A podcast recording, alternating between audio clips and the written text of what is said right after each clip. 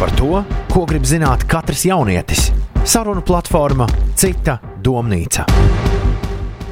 Raidījumu atbalsta Izglītības un zinātnes ministrijas jaunatnes politikas valsts programma.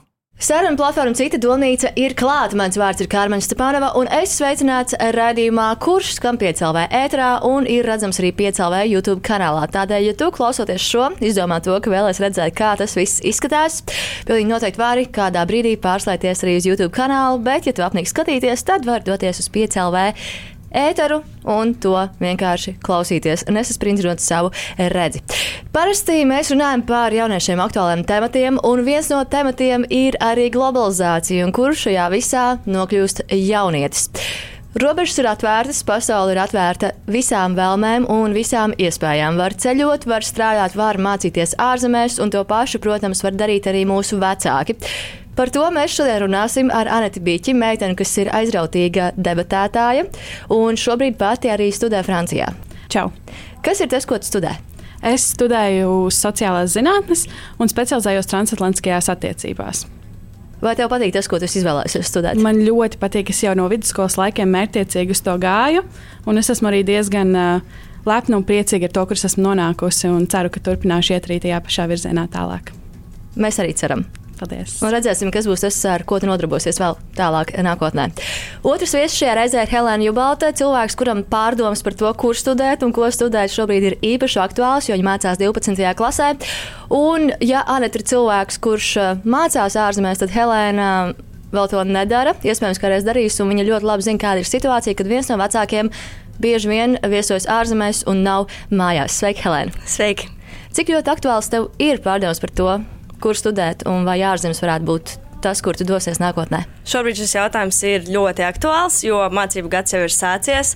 Un arī uh, pieteikšanās uh, augstskolām ārzemēs jau ir sākusies daudzās vietās. Un, uh, tāpēc ir jāizdara šī te, uh, izvēle. Bet es domāju, ka es iestāšos gan uh, ārzemēs, augstskolās, gan arī Latvijā.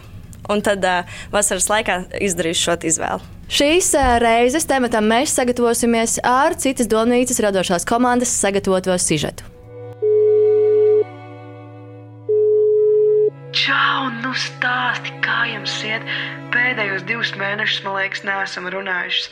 Mums šeit viss pa vecam gadus mācās, es strādāju, bet laiks ārā pēdējo nedēļas nogali vienkārši kolosāls. Saule spīd, ārā silti, perfekti. Alga arī ienāca, aizbrauca patusēties, nu jā, abas divas dienas, bet tad jau saņēmāmies gatavi kaut kādu tur eksāmenu, kaut kādi darbi. Es taču nezinu, man pašai tikai darbs, darbs, darbs. Zinu, kā pamatīgi norūkāt to nedēļas vidu, un tad jau atkal nav spēka tik daudz brīvdienās, bet nu ir jāsaņem Es atceros, kā mums bērnībā vecmāmiņa teica, kad mazs bijām, ko iesācis, tas jāpabeidz. kā jums iet? Kā mammai? Tēvs joprojām strādā. Klausies, brauc šurp, mums būs vieta, kur dzīvot, kur strādāt. Re, kur varu tevi iekārtot tajā pašā firmā, kur es esmu. Vari studēt, tepat ir universitāte. Tas taču ir sāknes. Brauc pie mums ciemos. Halo! Halo! Halo! Kaut kas ir savienojums, brauc tās pagaidas tāds zvanīšu. Halo! Visraksturīgākā globalizācijas iezīme ir tā, ka geogrāfiskais attālums vairs nav noteicošais faktors, kas veicina vai kavē sadarbību un miedarbību. Tieši šis vārdu skaidrojums rādījuma kontekstā šķita vistuvākais, jo mēs šajā reizē runājam par došanos uz ārzemēm, to, ka mūs nekas vairs nevar aizkavēt izdarīt izvēles, neusturēties vienā vietā, ceļot apkārt, vai tad, ja mēs nemācāmies. Un patiesībā šī tēma ir vilkusies cauri jau vairākiem eh, citu donītas raidījumiem, kur tam esam mazliet pieskārušies, eh, bet šajā reizē iesim tajā arvien dziļāk. Anēti, lūdzu, izstāstīja, kādēļ tu izvēlējies mācības turpināt ārpus Latvijas? Pamatā bija divi iemesli. Pirmais noteikti ir izglītības kvalitāte, jo es skatījos, kuras skolas ir tieši uh, vairāk um, tādas pasaulē atzītas priekš tā priekšmeta, kurus gribēju mācīties. Jūs zināt, ka es gribu mācīties starptautiskās attiecības jau, kā jau es minēju, ļoti ilgu laiku. Un, uh, bija variants, protams, palikt Latvijā, studēt Stradiņos, uh, Eiropas fakultātē, bet uh, par cik ģimenei bija iespēja mani atbalstīt, es izvēlējos doties uz skolu, kurā es biju iestājusies Francijā, kas ir ar uh, starptautiski atzītu labāku, uh, augstāko izglītību. Un otrs iemesls ir tāds, ka es gribēju ārzemju pieredzi ļoti, ļoti. Un, uh, savā laikā es mācījos pirmajā gimnājā, un tur ir ļoti grūti aizbraukt apmaiņas gadā. Ir cilvēki, kas uzņemas šo risku, un tad viņi atgriežas un skatās, vai viņi var turpināt izglītību vidusskolā, vai viņiem jāatkārto gads, un es negribēju uzņemties to risku atkārtot gadu. Tādēļ es uh, skatījos uz ārzemēm, tad, kad jau biju pabeigusi vidusskolu, iegūt to pieredzi. Bet es noteikti atgriezīšos pēc studijām. Tas ir mans galvenais mērķis - iegūt vislabākās zināšanas, lai tās vēstu atpakaļ uz Latviju. Un izmantot tās šeit. Jā, Palīdzot mums visiem. Jā. Helēna, vai tu skolas laikā esi devusies apmaiņas braucienos? Esmu devusies tādos īsos apmaiņas braucienos. Mums bija skolā projekts, kurā iesaistījās četras valstis, un tad nu, bija arī šie četri apmaiņas braucieni. Un, uh, Es arī tieši negribēju uzņemties šo risku, kur braukt prom uz gadu, jo man ir pieredze, ka man arī mani bijušie nu, jau klases biedri, kur aizbrauc prom, viņiem diemžēl pasaka, ka tev ir jāatkārto šis gads uh, vēlreiz, jo tu esi mācījies tādā izglītības sistēmā, ko mēs šeit nevaram novērtēt. Kādēļ viņiem to nepasaka pirms vēl viņi ir aizbraukuši projām, ka pastāv uh, bažas, ka viņi varētu nepabeigt? Es domāju, ka pasaka, bet uh, jaunieši ļoti novērtē to iespēju aizbraukt uz ārzemēm. Mm. Jo es mhm. domāju, visi arī ar to globalizāciju runā par to, ka tas ir kaut kas neatkārtojams, ka iegūst, pastīties, tā, iegūst iespēju pastīties citas, citas dzīves, citās valstīs, bet viņi vienkārši uzņemās to risku. Nu, es nezinu, vai es esmu gļēva vai kā, bet uh, man kaut kā vēlāk tā riska uzņemšanās nācās. Jā. Es arī vairāk kārt esmu dzirdējusi no cilvēkiem, ka viņi aizbrauc piemēram, piemēram uz Vāciju, kur tā izglītības sistēma ir daudz sarežģītāka. Viņi mācās pusotru gadu, atbrauc atpakaļ, un viņam pasaka to, ka nu, atpakaļ uz desmito klasi. un tad cilvēks skrien uz tā mācību un cenšas tādā veidā saraut savas zināšanas. Runājot par pretējo situāciju, kur uz ārzemēm dodas nevis jaunietis, bet eh, viņa vecāks, Helēna, kā ir ar tevi, kā tev ietekmē tas, ka viens no vecākiem mēdz būt projām?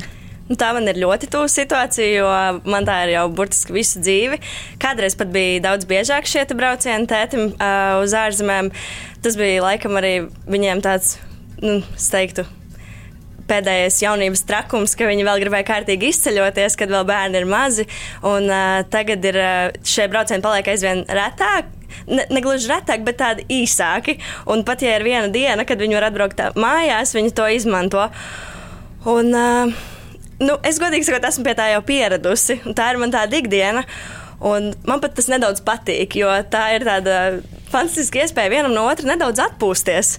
Un, uh, kad mēs atkal satiekamies, uh, ir šis satikšanās prieks, un uzreiz ir citādākas sarunas vienam ar otru. Uh, piemēram, tēvs pastāst par saviem notikumiem, kādi ir notikuši kādā valstī, ko viņš ir redzējis, ko apmeklējis. Un atkal es viņam varu padalīties ar to, ko tajā laikā es esmu darījis Latvijā, skolā.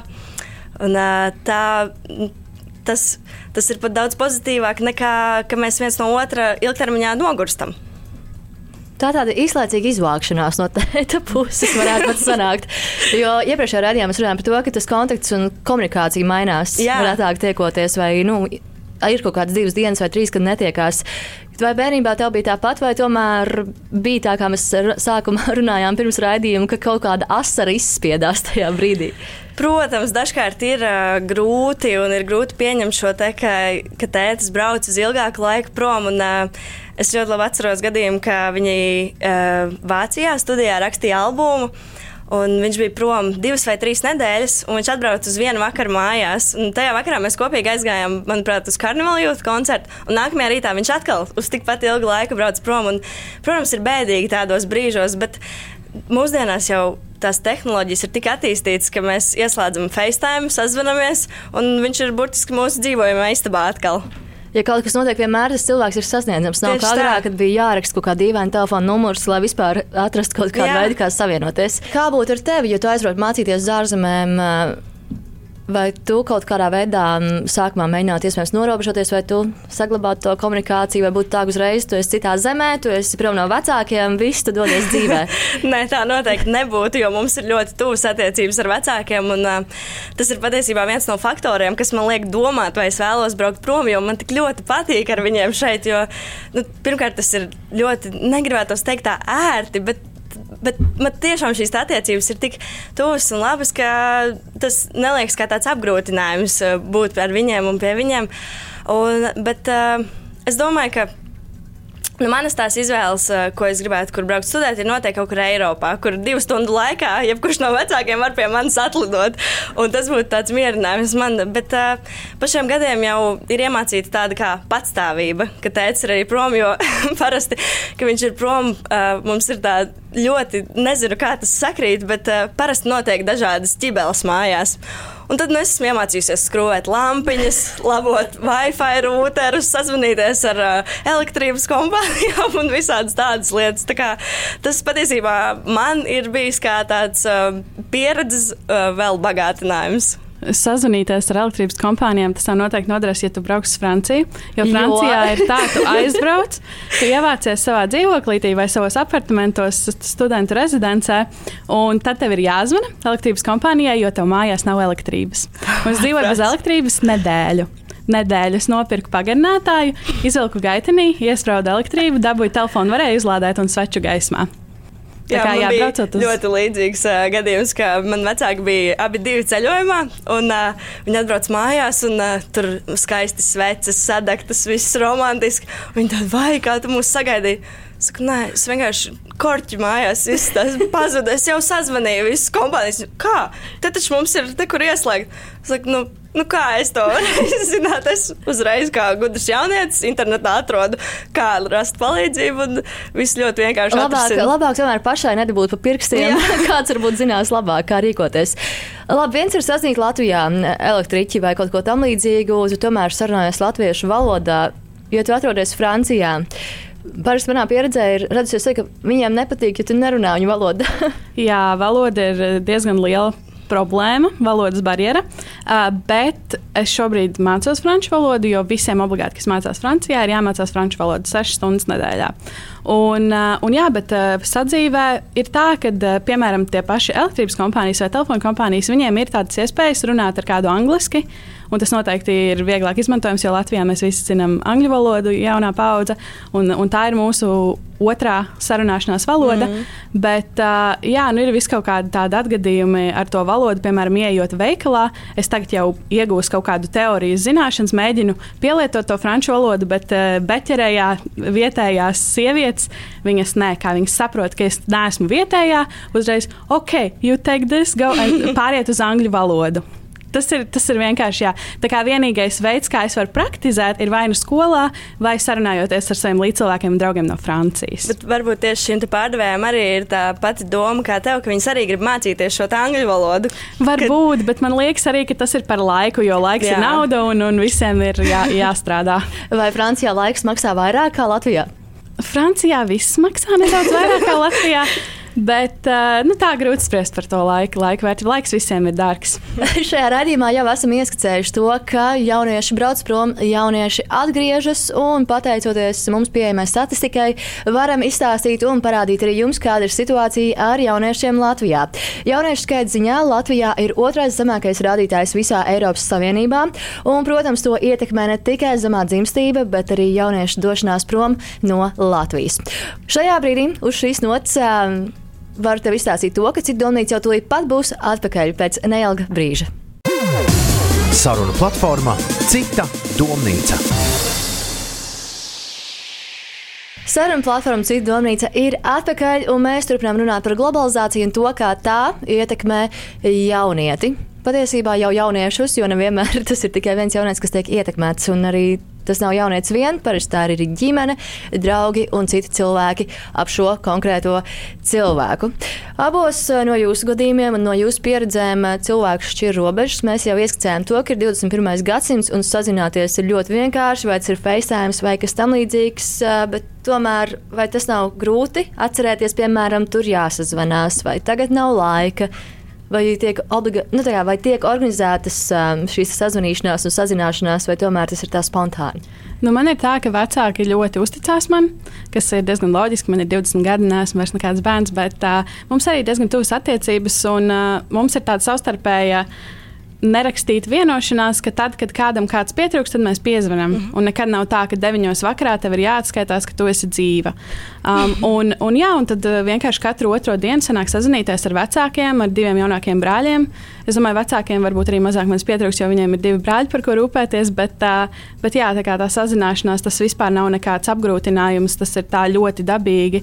Un uh, par to atcerēšanos man istabā ir milzīga siena ar bildēm, kur ir bildes no Latvijas un bildes ar draugiem un ģimenes locekļiem. Tā kā vienmēr ir kaut kas, kas atgādina, kāpēc es esmu šeit, lai iegūtu zināšanas, ko vest atpakaļ, un arī, nu, principā, lai būtu tā komforta, m, vairāk komfortablā sajūta. Un tu arī zini to, ka tev Latvijā ir aizmugure diezgan pamatīgi, un tev ir tas atbalsts. jā, viennozīmīgi, jā, piekrīt. Helēna, kā ar tevi, vai kādreiz tas tomēr nav bijis tā grūti vai, nezinu, bēdīgi kaut kādā mērā? Nu, Es varu piekrist par to, ka tas manā ģimenē arī ļo, notiek ļoti dabiski šīs sazināšanās. Un man arī nav šāds pienākums katru vakaru, 9. vakarā pie, piezvanīt. Tur, jā, mam, man viss ir labi, viss kārtībā, ir labi nakti.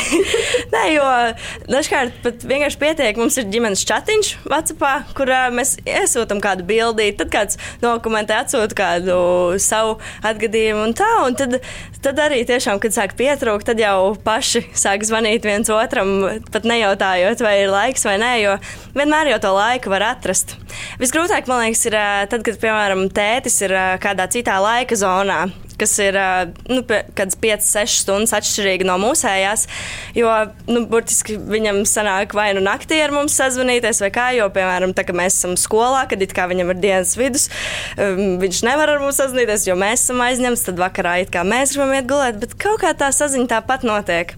Kā tu ieteiktu rīkoties tiem jauniešiem, kuriem iespējams šobrīd ir tāda situācija, kur um, kāds no vecākiem paziņo to, ka brauks uz ārzemēm, tur strādās, um, brauks ik pa laikam atpakaļ, mm -hmm. vai varbūt brauks atpakaļ ik pēc trīs dienām?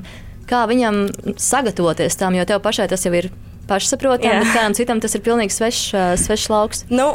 Es laikam ieteiktu uztvert to ļoti vienkārši un neuztvert to kā tādu apgrūtinājumu, jo kā jau mēs visu laiku runājam, kad sazināties ir ļoti vienkārši. Un, uh, nu, jauniešiem, manuprāt, vajadzētu saprast, ka tas uh, nebūs tā, ka viņiem apstāsies tā viņu ikdienas dzīve, vai kaut kas uh, pilnībā krasi mainīsies. Protams, mainīsies kādi uh, paradumi, ko viņi dara ikdienā kopā ar ģimeni, bet, uh, manuprāt, to vajag uztvert tā ļoti viegli un pieņemt šos apstākļus. Jo tad gan, jo vajag jau atcerēties arī to, ka tam vecākam jau arī nav viegli braukt prom. Viņš arī nevēlas atstāt nu, to bērnu. Viņš iziet no mājām. jā, yes, beidzot. Nu, protams, ka arī viņam ir grūti braukt prom, bet uh, apstākļi ir dažādi un uh, dzīvē ir situācijas, kad tā vienkārši būs labāk. Un kā tu ieteiktu rīkoties ģimenei, kuras um, pusaudzes, piemēram, pasakā to, ka braukšu apmaiņas programmā vai gribu braukt studēt uz ārzemēm, būšu prom trīs gadus aptuveni? Nu, man pēc personīgās pieredzes, man arī daudz draugi un apkārtēji ir izvēlējušies braukt studēt uz ārzemēm.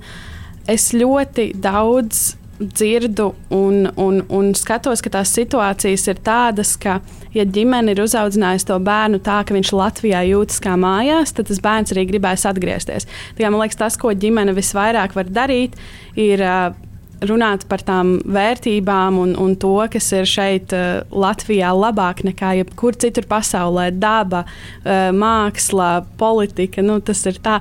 Bet, uh, jā, tā kā, ja, ja ģimene ir runājusi par šīm lietām, tad bērns vienmēr gribēs atgriezties.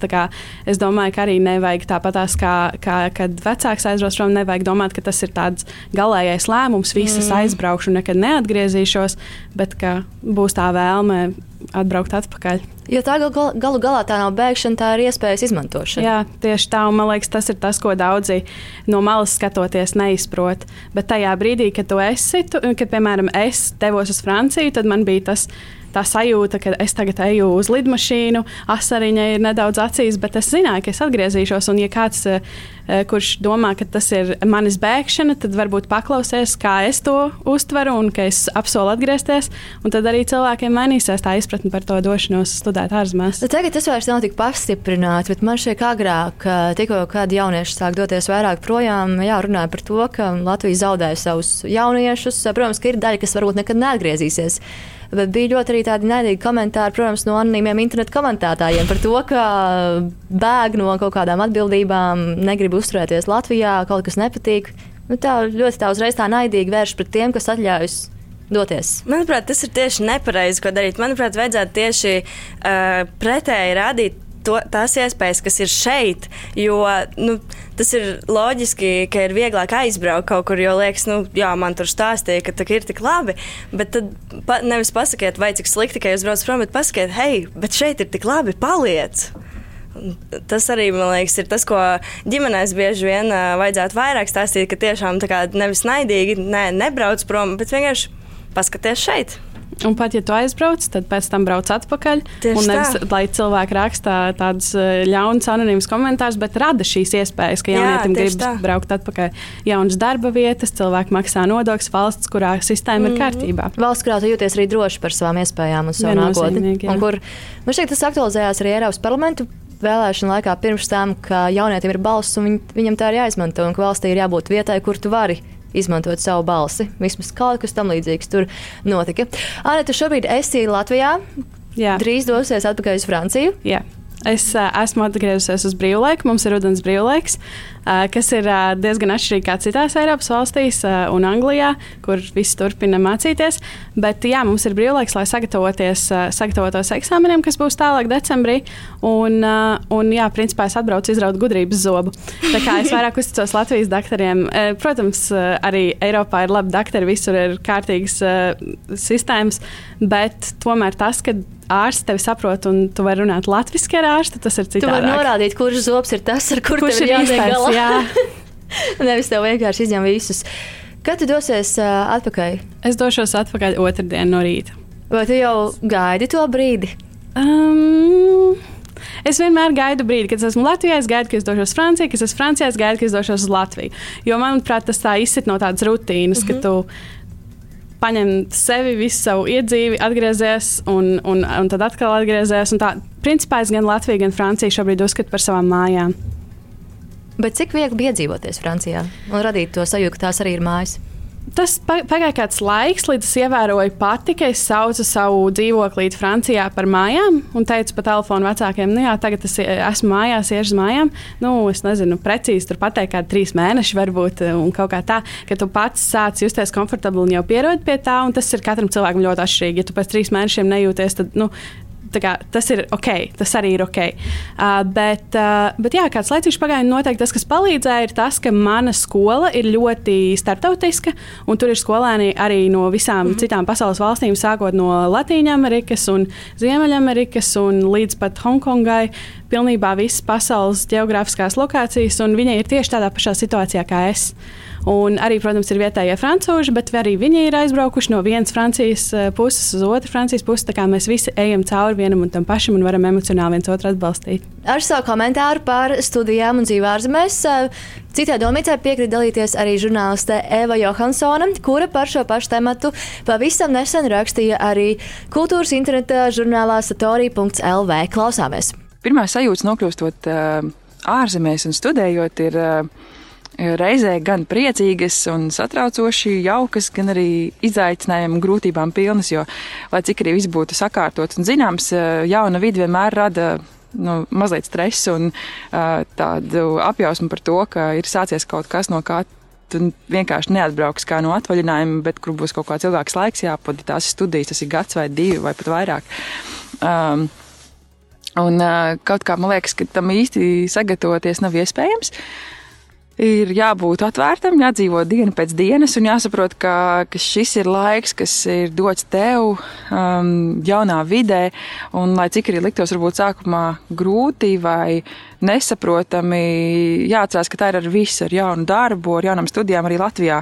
Tas pirmais mēnesis vai divi parasti ļoti grūti, uh, pēc tam paliek vieglāk. Un, uh, Protams, ka ir ilgas pēc mājām, un tās ilgas jau pēc mēneša un diviem kļūst vien stiprākas, bet uh, mūsdienu laikmetā, kad ir tās komunikācijas, uh, FaceTime un Skype un daudz kas cits, tas jau pavisam vienkārši. Man šķiet, var ziņot, sūtīt WhatsApp grupās ģimenes bildes un stāstīt, kā iet. Un, sazināties nav kā kādreiz, ne? Man liekas, ka, ja tās studijas ir diezgan tālu, nu, iespējams, apbraukt ciemos uz, uz, uz svētkiem, ka tas vēl ir grūtāk, man arī bija jāpat Ziemassvētki un jaunais gads prom no mājām, kad es studēju Amerikā. Un, Nu, tas, protams, ir kaut kā dziļi personiski bēdīgi, bet arī pašā laikā sagatavoties tam nav iespējams. Bet es atceros šo laiku, šo studiju laiku, kas varbūt bija gan grūts, gan arī bija ilgs pēc mājām, ar tādu foršu sajūtu, ka, jā, ka tas ir kaut kāds dzīves posms, kurš nekad vairs neatkārtosies, kas tiešām ir tev dots, ka, ka tā ir tāda iespēja. Un tagad, uh, atskatoties tie desmit gadi atpakaļ, es atceros kā tādu fantastisku pieredzi, kura man ļāva augt kā cilvēkam, jo jebkuras grūtības izkāpšana ārpus no komforta zonas ir, ir noteikti augšana, un uh, tas man ļoti palīdzēja. Es domāju, ka tas arī jāizmanto tiem, kas dod studēt, un lai cik arī sākumā liktos grūti, jāatcerās, jā, ka tieši tie ir tie brīži, kad mēs augam, ka tas ir tas brīdis, kad tu attīsties, pilnveidojies. Paldies, paldies Evai Johansonai par viņas komentāru. Kāda ir jūsu komentāra pārdomas par iepriekš redzēto? Man, piemēram, radās sajūta, ka šo visu var dēvēt par um, situāciju, kurā globalizācija sāk iet roku rokā ar komunikācijas iespējām. Es piekrītu viņas viedoklim par to, ka tas ir noteikti jauns pārbaudījums, sevišķi jaunu cilvēku dzīvē, kad tā ir varbūt tās pati, pati pirmā pieredze, kad uh, jaunieci ir uh, aizgājis prom no mājām, sācis dzīvot pats. Bet uh, es ļoti varu piekrist arī tam, ko viņa teica, ka ir jāizbauda šis laiks, jo arī man vecāki visu laiku atgādina, nesteidzies pieaugt, izbaudi to, kas tev ir šobrīd, jo pieaugusi tu būsi vienmēr, bet jaunietis, kuram ir tik daudz laika, lai iegūtu jaunas zināšanas, lai studētu, lai apgrozītos eh, ar interesantiem cilvēkiem dažādos pasākumos sabiedrības, sabiedrībās un, un, un Tā kā pilnībā piekrītu šim viedoklim. Es arī piekrītu visam iepriekš izskanējošajam, jo es pati sevi esmu pieķērusi pie domas, kad es tagad eju Francijā pa ielu. Es saprotu, ka nu jau tas laiks iet uz beigām, kad es būšu Francijā un ka man būs jāatgriežas. Un man ir tāda sajūta, vai es kaut ko nepalaidu garām, visu laiku ilgojoties pēc Latvijas un domājot, kā iet mājās. Tāpēc es tagad arī cenšos vairāk sevi nopauzēt un uh, izbaudīt to mirkli un, un sasūkt tās uh, emocijas un visu, kas ir tur uz vietas, cik vien var. Ir tik viegli aizmirst to, kas mums ir tagad, ja mēs visu laiku koncentrējamies uz kaut ko, kas mums nav. Piemēram, ka visu laiku mēs domāsim, jā, kā gribās mājās. Tā tad mēs tieši kā saka, neizbaudīsim šo laiku pilnībā, kas mums ir dots uh, citās zemēs un uh, tieši tajā brīdī. Vai atrodoties eh, Francijā, tev ir kādā brīdī radušās arī kaut kādas negatīvas emocijas, brīdī, kad tu saskaries ar to citādo kultūru? Negatīvas emocijas. Es negribētu tā teikt, ka tādas ļoti spilgti negatīvas emocijas, ko es tagad varētu atcerēties. Tieši es varētu parunāt par pozitīvo, ja jūs man atļaujat. es atļauju runāt arī par pozitīvo. Tas ka, tas, ka tur ir tie cilvēki no visas pasaules, kas ir manā vecumā, ļoti tā tīklošana savā starpā, kas tur notiek, ļoti palīdz mainīt cilvēku uzskatus uz pozitīvo pusi. Jo, piemēram, mums ir meitene, man tuvu draudzene no Ķīnas un puisis no Hongkongas, un viss, kas notika vasarā, viņiem ir svarīgi līdzsvaroties un paskatīties uz vienu otru pusi. Un tāpat arī puisis no Venecuēlas, kur valstī šobrīd arī iet cauri ļoti, ļoti smagam pārmaiņu periodam. Mums visiem ir kaut kas, ko vienam no otra mācīties. Tā kā es vairāk teiktu, uh, ir tas negatīvais, tas varbūt tas trieciens, cik tuvu ir tas viss trakais, kas notiek pasaulē, bet tas pozitīvais ir, ka mēs esam visi kopā, sanākam tās globalizācijas rezultātā un varam pārunāt to un skatīties, kā atbalstīt vienam otru.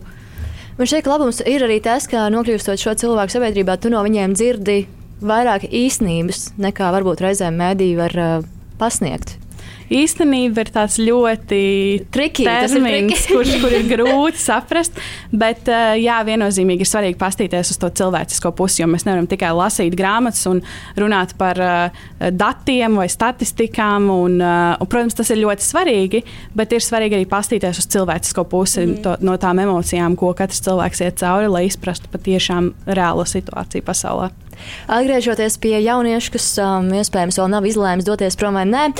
Kā jūs domājat, vai viņam pirms doties prom no Latvijas, lai kaut kur mācītos, neatkarīgi, to, neatkarīgi no tā, cik ilgu laiku tas būs, vai viņam jāapsver ir visi par un pret, vai tomēr vienkārši spontāni meties iekšā piedzīvojumā, tad jau atbrauks atpakaļ un redzēs, kā būs gājis? Es personīgi ļoti skatījos par un pret. Man bija pilnas kladas pierakstītas, gan skatoties uz geogrāfisko lokāciju, kuras vēlos doties un būt, gan par akadēmisko saturu, kurus vēlos sev iegūt. Tā kā es domāju, tas ir diezgan liels lēmums, lai tas nebūtu ļoti spontāni. Bet uh, dažreiz arī spontāni lēmumi noved pie kaut kā jauna mm. un, un aizraujoša. Nu, tā kā es esmu šis jaunietis, kuram ir šī izvēle priekšā. Tātad būs Tad... spontāna vai ļoti apdomīga? Nē, es laikam būšu tas apdomīgais tips, jo man ļoti patīk uh, zināt dažus soļus uz priekšu, kas ar mani varētu notikt. Un, uh, Skatoties arī pēc maniem draugiem, kuri jau ir uh, pāris no tiem aizbraukuši arī uz ārzemēm studēt, nu, vajag mācīties no vien, viens no otra kļūdām. Un, uh, manuprāt, ka, lai man piedod draugi, bet viņi aizbrauca nedaudz pa maz sagatavojuši. bet, uh, bet katram ir savs, un viņiem tas izgāja cauri ļoti pozitīvi. Viņi pat uh, viņi paši teica, ka viņi ieguva daudz vairāk pieredzi tieši spontāni aizbraucot uh, šajā braucienā, bet uh, nu, es laikam tā nevarētu. Paldies, paldies tev, Helēna, par atzīšanos. Es ceru, ka draugi nav dusmīgi. Paldies, tev, Anita. Cita domnīca atgriezīsies pēc brīža. Saruna platformā Cita domnīca. Saruna platforma Cita domnīca ir atpakaļ pie CLV ētrā, un mēs runājam par jauniešiem, kas dodas prom no Latvijas, lai mācītos, atgriežas. Arī runājamies par vecākiem, kas darba dēļ mēdz doties uz ārzemēm.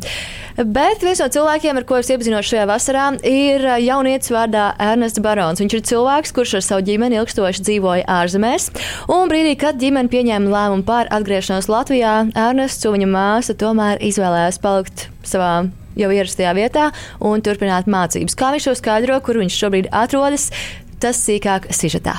Es ar manu ģimeni pārvācāmies uz Norvēģiju 2009. gadā dēļ finanses krīzes.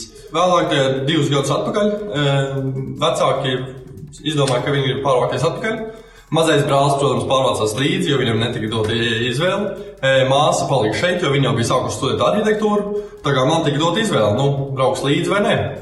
Es domāju, domāju un sapratu, ka es ļoti vēlos pārvākties atpakaļ pie Omas, pie vecākiem, pie vecākiem, pie kopā ar vecākiem.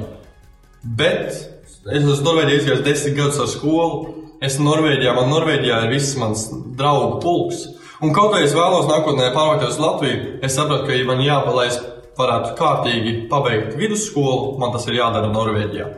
Jo val, valoda man bija zināma, un sistēma man arī bija zināma. Lielākās grūtības būs šitam un ģimenes. Es nezinu, es nekad to neesmu sapratis kā lielākās grūtības, vai uz to skaties uz kādām lielām grūtībām, bet vairāk kā tādu interesantu izaicinājumu. Un viens no tiem izaicinājumiem, protams, ir tas, ka tu nevari samīļot māmu, nevari samīļot tēvu, kad tu vēlies, un ne, nevari samīļot mazo brāli, kad tu vēlies. Bet Mūsdienās, atšķirībā no pagātnes, mēs varam zvanīt viens otram Skype, un mēs varam runāt ar vien, viens otru pa telefonu. Un, godīgi sakot, viss ir ļoti, ļoti forši. Ja vēlaties studēt ārzemēs, es tev to noteikti, noteikti, noteikti iesaku. Tāpēc, ka tev tas paplašinās tavu, e, tavu saprat, sapratni par pasauli un kā tas viss strādā. Latvijā, protams, arī to visu var iemācīties. Bet es esmu tik ļoti pateicīgs par to, ka mani vecāki pārvācās uz Norvēģiju, jo es iemācījos dažādas kultūras, es iemācījos dažādas dzīves veidus.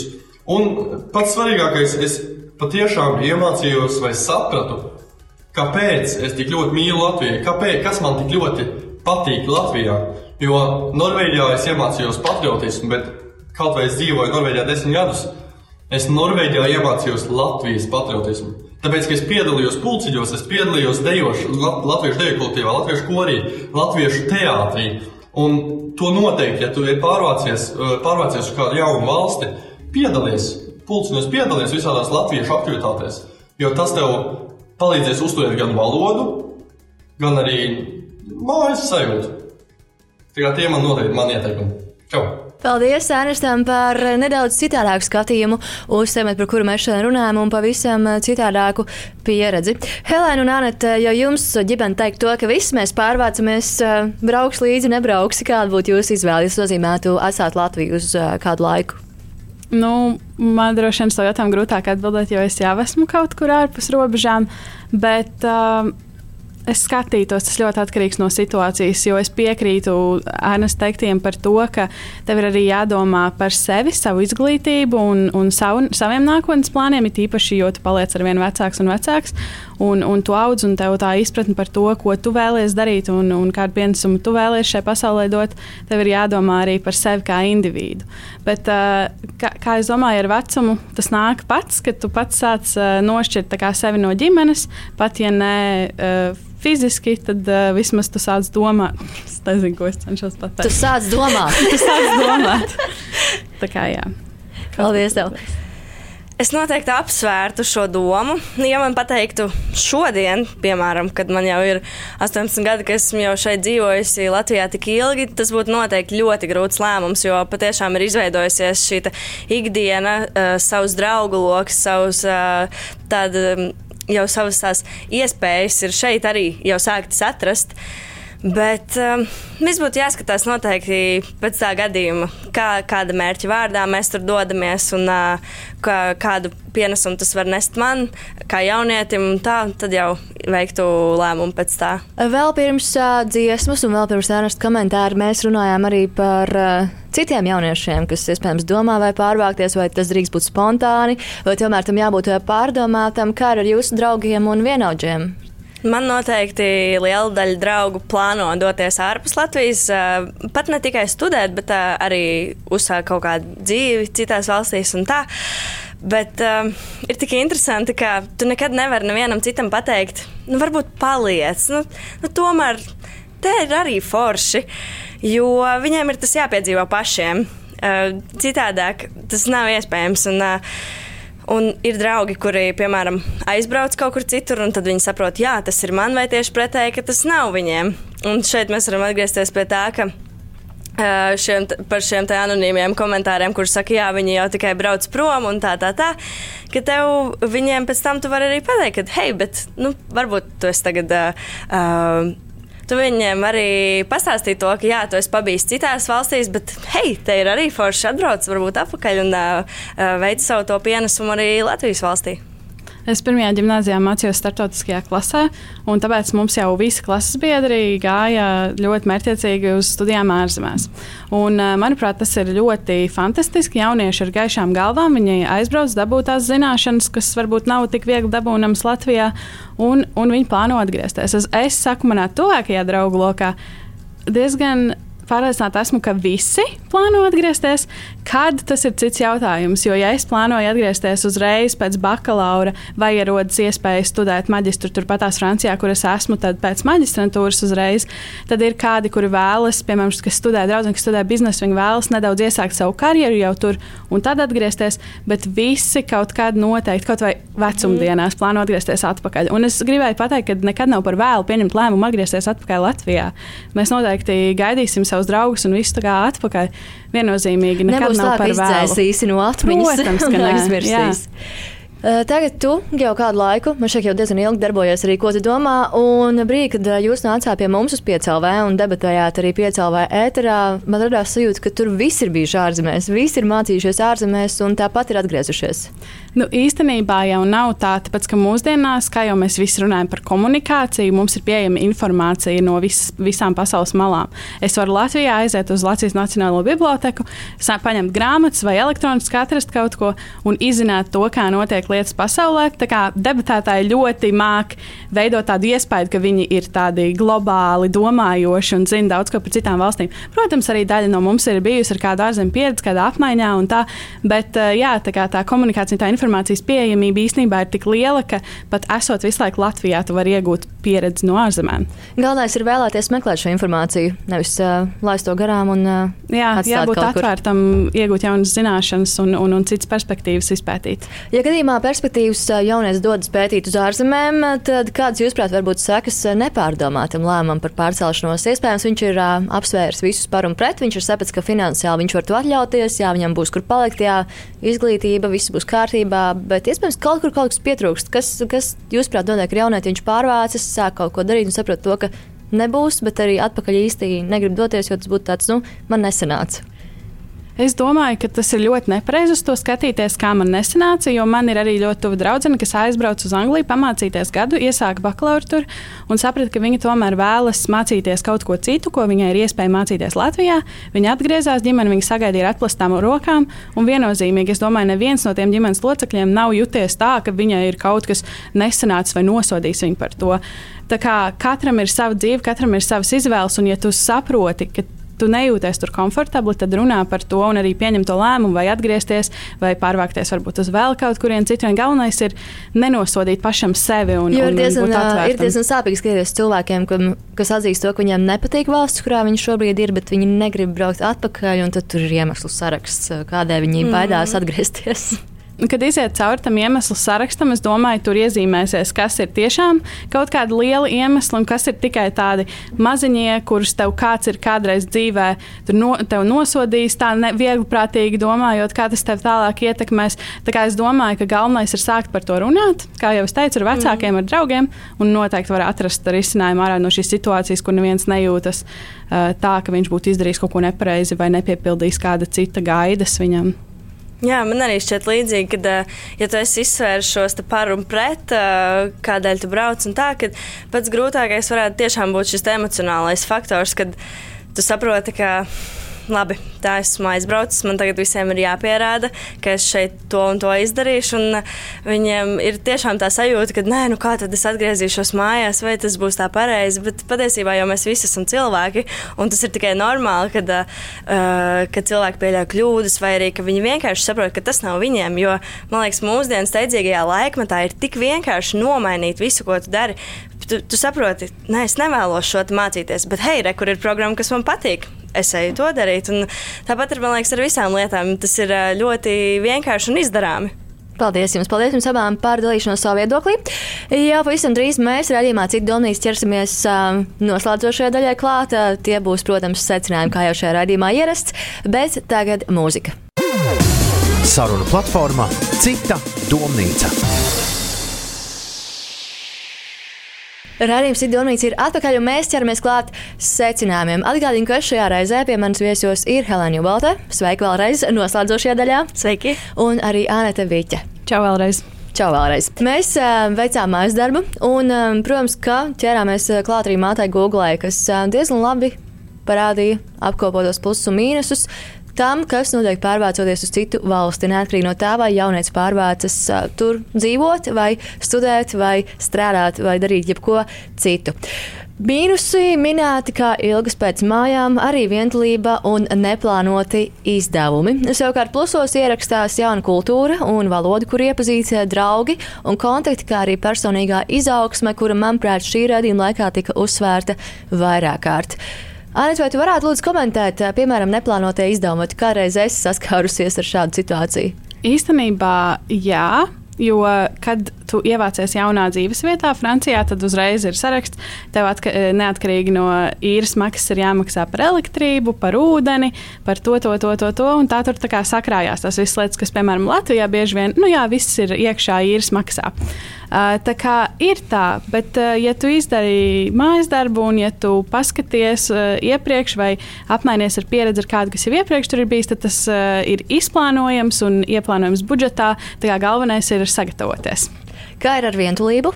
ar vientulību, kā jau mēs runājām, komunikācija, vientulības nav. Pazvani vecākiem, ka tu vēlies. Būs atvērts visam tam, tik arī būs Jā. šī te, uh, cilvēka ap tevi. Nu, labi, es varbūt tās pateicu, vientulības nav, nu brīžiem jau ir, bet, uh, bet viņi ir viegli atrisinājumi. Tas ir tas, ko es uh, domāju pateikt. Jā. Jo pirms, pirms es vedošu jautājumu, bija doma jums jautāt, vai nav grūti, ja ģimene, piemēram, nav rokas stiepienā attālumā, bet šī radījuma laikā mēs esam diezgan veiksmīgi tikuši cauri tam, ka patiesībā, lai arī fiziski tas cilvēks varbūt nav blakus, tomēr tā komunikācija ir tik mm. vienkārša, ka tu nejūties gluži tā, ka ģimene būtu kaut kur ļoti, ļoti tālu projām. Jā, un starp citu, tagad Eiropā nemaz nav jāmaksā par telefonu zvaniem, visur vienāds tarifs.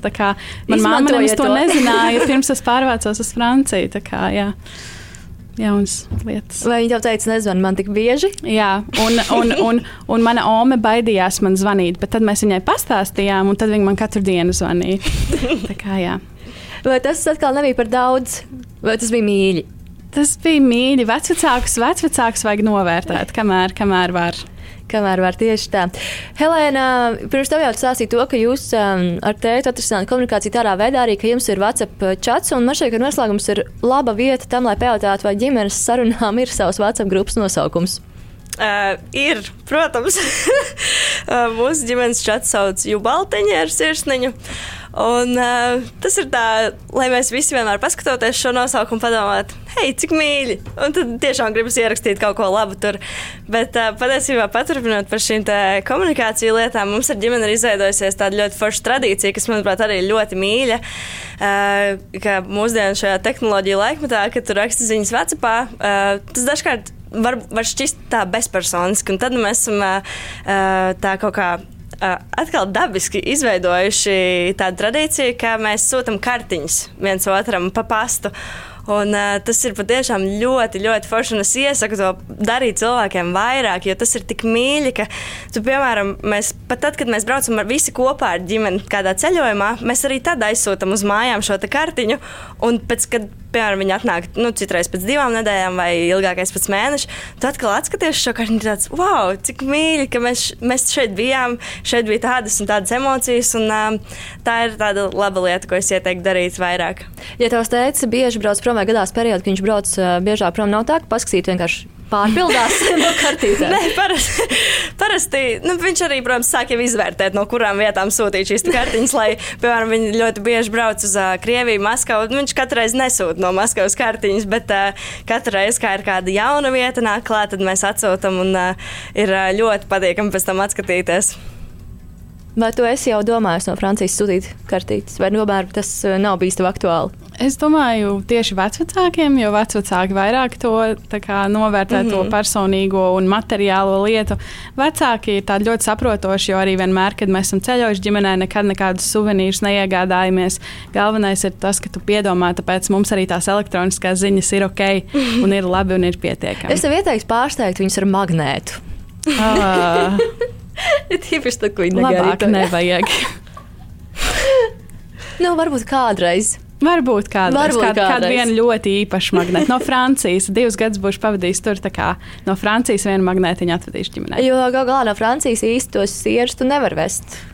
Lidmašīnā. Nē, bet uh, jā, magnētiņš ar efektoni būs diezgan forši. Tā, paldies par ideju, Karmen. Klasisks. paldies tev. Un paldies jums abām, ka šajā reizē bijāt šeit, sarunā platformā Cita Domnīca. Tāpat paldies arī rādījuma Cita Domnīca radošai komandai.